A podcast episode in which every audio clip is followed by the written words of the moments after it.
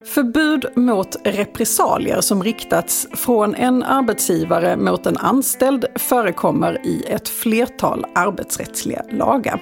Och I början av september i år meddelade Svea hovrätt en dom som bland annat diskuterar vad som kan anses vara en repressalier som vidtagits till följd av att en arbetstagare visselblåst om en brist eller något annat missförhållande på arbetsplatsen. Fokus i den här domen var på lagen om meddelarskydd i vissa enskilda verksamheter och det ska vi prata om idag.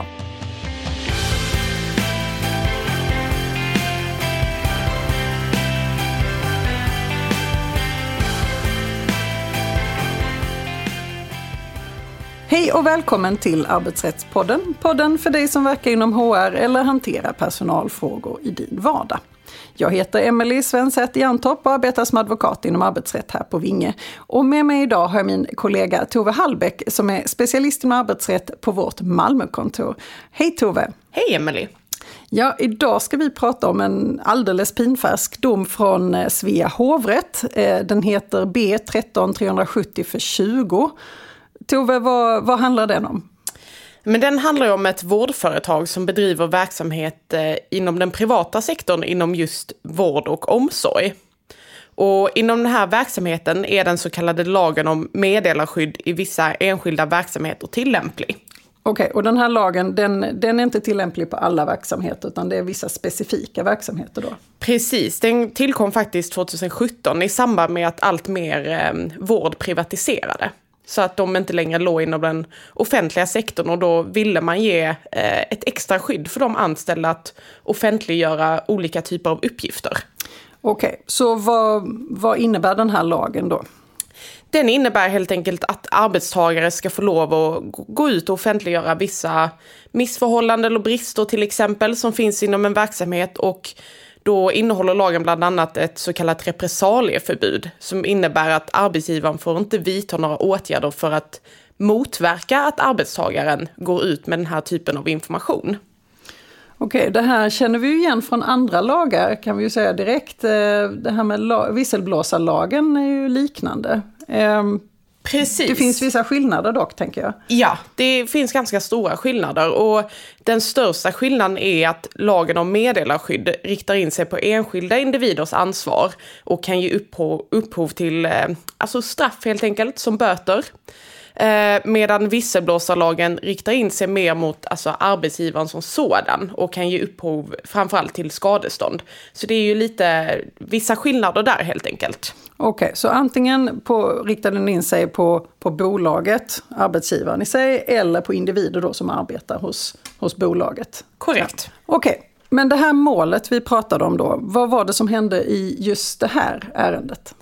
Jo, det är så här att det här företaget bedriver bland annat äldre och omsorgsboenden. Och under pandemin så var det en av deras anställda som gick ut och kritiserade hur man hanterade smittskyddsfrågor inom verksamheten.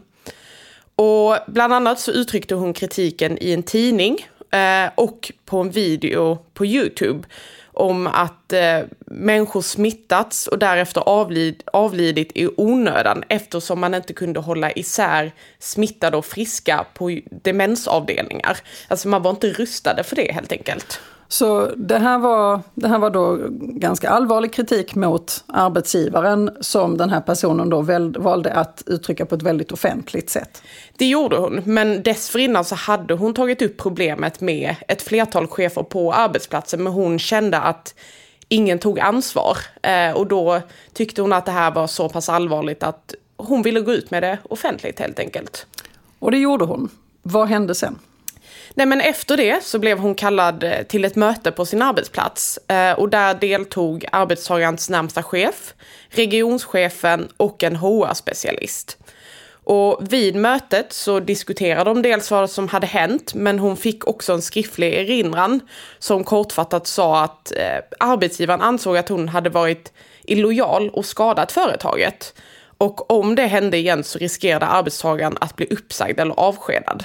Så det här det känns ju som en ganska standardiserad erinran eller varning beroende på hur man uttrycker sig. Och, och, det i sig eh, kan man ju som arbetsgivare lämna till sin arbetstagare.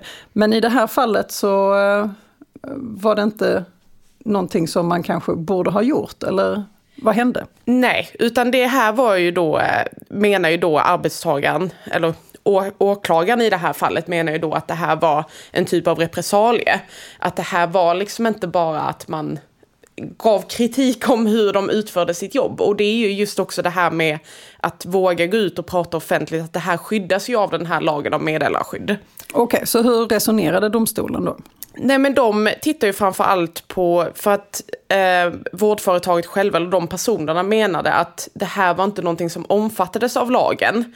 Och då syftade de på att erinran riktade sig mot de uttalanden hon gjort via YouTube. Och det var en media som inte omfattades av lagen.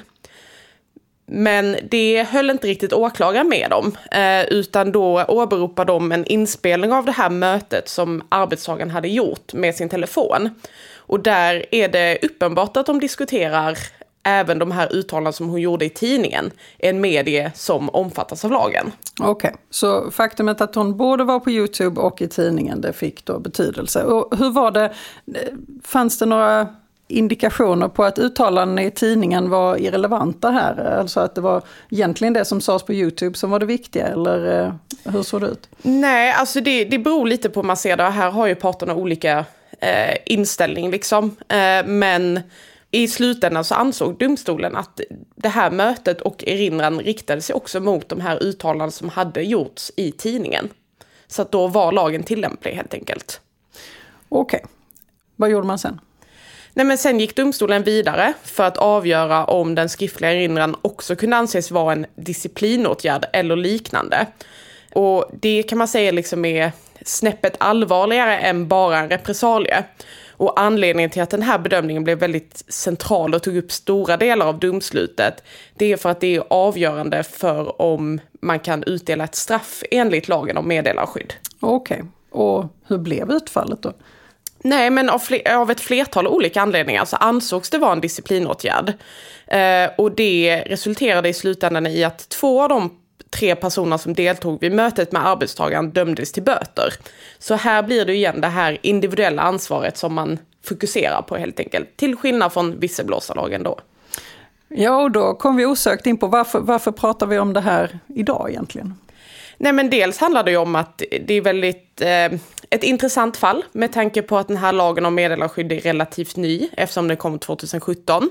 Men också att eh, ett stärkt repressalieförbud finns ju också numera i den nya visselblåsarlagen som kom 2021. Med andra ord så är det liksom en fråga som politiker tycker är viktig eh, och som man liksom strävar att lagstifta kring och det ska inte finnas repressalier mot arbetstagare. Och i det här fallet då så är det ju väldigt viktigt också eftersom vi nu faktiskt börjar se lite praxis på det, för det, det har vi inte hunnit se så mycket ännu. Nej, precis. Och nu när vi osökt är inne på den här nya visselblåsarlagen så eh, det är ju någonting som är väldigt aktuellt nu eh, också.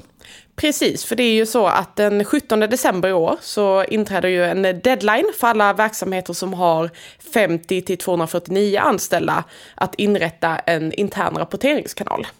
Så har man inte börjat arbeta med detta nu så är det hög tid.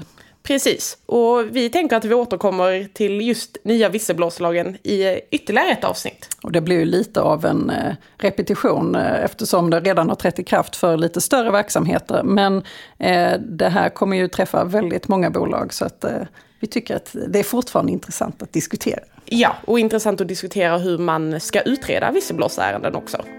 Mycket, mycket spännande. Tusen tack Tove! Tack själv! Dagens gädda det är givetvis viktigt att agera tydligt och snabbt när man som arbetsgivare anser att en arbetstagare har misskött sig. Men se till att ha kunskap om de här lagarna som ställer upp ett skydd mot repressalier så att åtgärden man vidtar inte riskerar att leda till böter eller skadestånd.